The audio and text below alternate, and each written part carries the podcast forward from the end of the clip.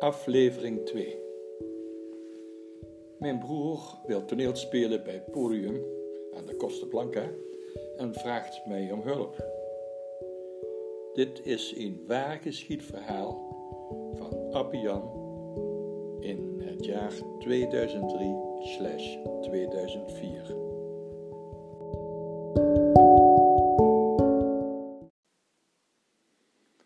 Tijdens de wandeling met de wandelgroep van de NVCB, de Nederlandse Vereniging Costa Blanca, spreekt een vlotte dame me aan alsof ze me al jaren kent. Hola, meneer Bouch. Ben u terug van uw reis naar Turkije? ik kijk er verbaasd aan, want ik ken haar helemaal niet. Het is een Jeannette van der Berg, die heel actief is, hoor ik, met haar echtgenoot. Zij maken met tal van verenigingen het leven van vele Hollanders aan de Costa Blanca aangenaam. Het is hier de dertiende provincie van Nederland, zei ze. Ja, en samen met een Nederlandstalig weekblad De Hallo wordt er roering aan de Costa Blanca gebracht. Meneer Paus, je zou je melden bij Podium, onze toneelvereniging.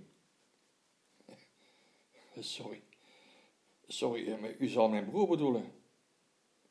En uh, ik, vol ongeloof kijk ze me aan.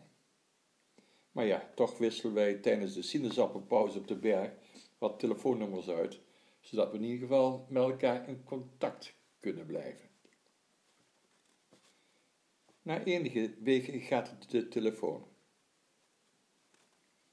Het is Jeannette, die mij dringend vraagt een rol aan te nemen bij een tweeakter. Twee mannen en twee vrouwen voeren een amusante sketch op, vertelt ze. Helaas, de hoofdspeler is ernstig ziek geworden, of ik zijn plaats kan innemen. Paf ben ik, en stuur prompt mijn broer een sms. Na enige dagen ontvang ik zijn antwoord. Hey, ja Jan, dat klopt Appie. Het is wel lang geleden. Ik weet niet precies wanneer het was, man.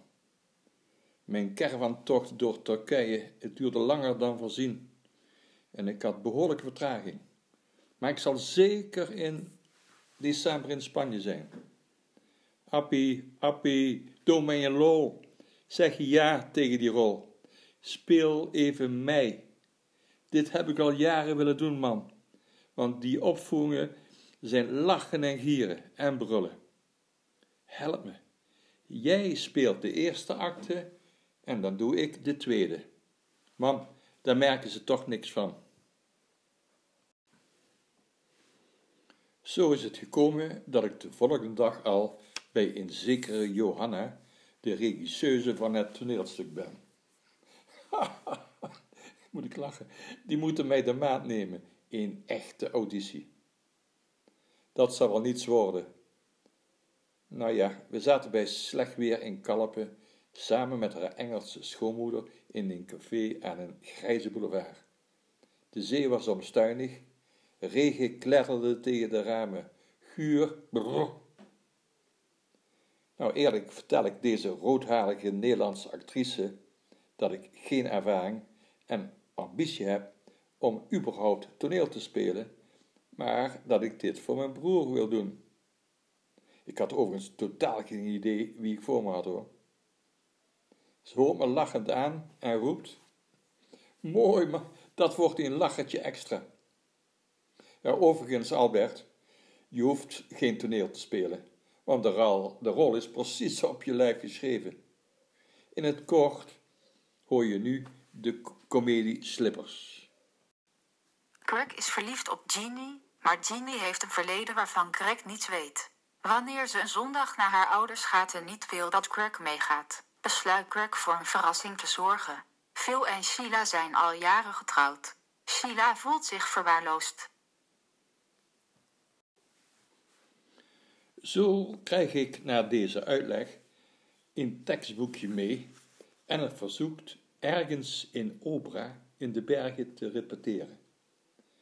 Mijn mannelijke tegenspeler is de bekende Vlaamse komiek en schrijver Hugo bij de Hallo maar de twee dames kende ik niet. Eerst mocht ik mijn rol uit het boekje meelezen en vervolgens meespelen. Op zijn Italiaantjes noemen ze dit. Kennelijk was het eh, resultaat bevredigend. Maar ja, maar hoe wee, er werden ineens twee repetities per week ingelast. Op verzoek van de, van de regisseuse. De eerste acte moest er ingehamerd worden. De weken vliegen voorbij en dan is er plotseling een repetitie in de toneelzaal van Benissa. Om mij te laten wennen een echt podium, zeggen ze mij. Onder in de zaal hoor ik in het donker een klein publiek mompelen. Oh, dat gaat prima. Ze hebben nog alle tijd. Wij zullen de voorstelling door laten gaan. Johanna moet de tekst voor het programmaboekje maar gaan schrijven. En zo deed ik, zonder het te weten, examen. Toen Jan met zijn caravan na de lange omzwervingen in Turkije terug was, bespraken wij de situatie in Spanje en gaf ik hem het boekje van de tweede acte. Ja, hij stond versteld van de hoeveelheid tekst die hij moest leren. En nog meer ontsteld was hij toen ik vertelde dat er niet geïmproviseerd mocht worden. Elk woord was een aanduiding, een clue voor de medespelers. Mijn vrouwelijke speelsters reageerden op mijn slippertjes gepikeerd wanneer ik lichtelijk afweek in mijn tekst. Hugo, de ervaren acteur, hield zich met een brede glimlach op zijn gezicht op de vlakte. Nou, het waren lange nachtelijke tochten door het berggebied. Dat was niet leuk en zeker ook niet ongevaarlijk.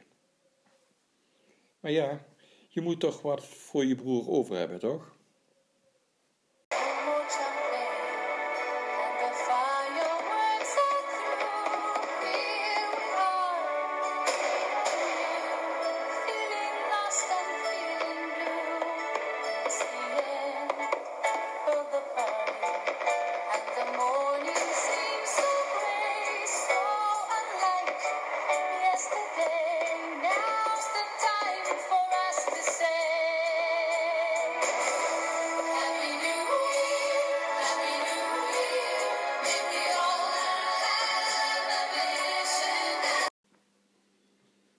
De eerste zaterdag van het nieuwe jaar wordt op podium een nieuwjaarsreceptie en etentje gehouden in het bekende restaurant onder bij de NVCB.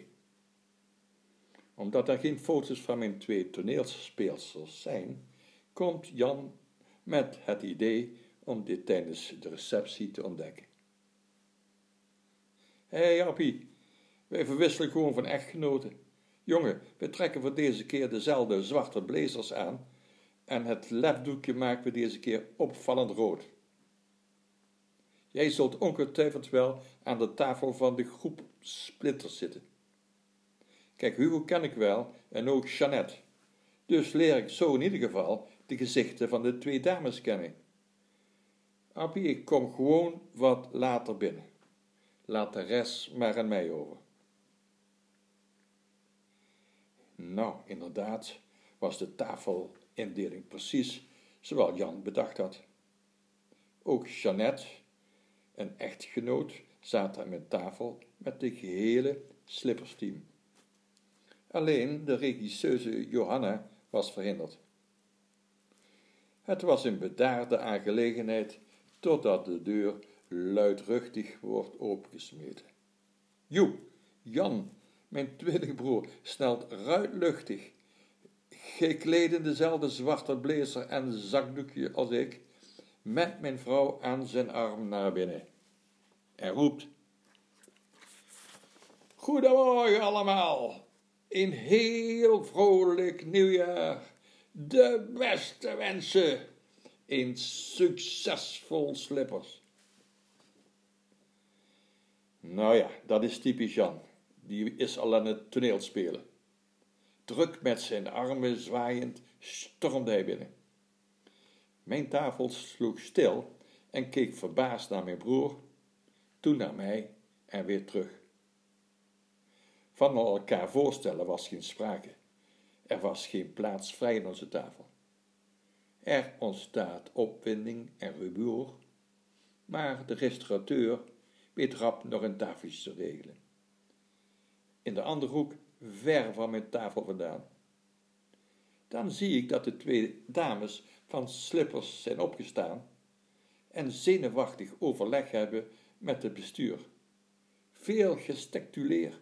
Ze kijken naar mij, dan weer naar Jan, naar mij, heen en weer. De dames zijn verbijsterd. Ze hebben mijn verhaal over zoete koek gehouden en zelfs mijn ingezonde stuk in de hallo over de valspeler bij de komende amusante sketch niet naar waarde ingeschat. Ja, of überhaupt niet gelezen. Nou ja, hoe dan ook. Ter plekke wordt besloten de voorstelling op 6 februari 2004 af te gelasten. De dames wensten niet met twee verschillende karakters op te treden. De zaal was muisstil toen de voorzitter dit besluit mededeelde. Over de reden werd niets gezegd. Helaas waren de programmaboekjes al besteld en de ingezonden verhaaltjes in de hallo over het komende spektakels waren al geplaatst, ook dan nog. Beste luisteraar, beoordeel nu zelf de waarheid van dit verhaal.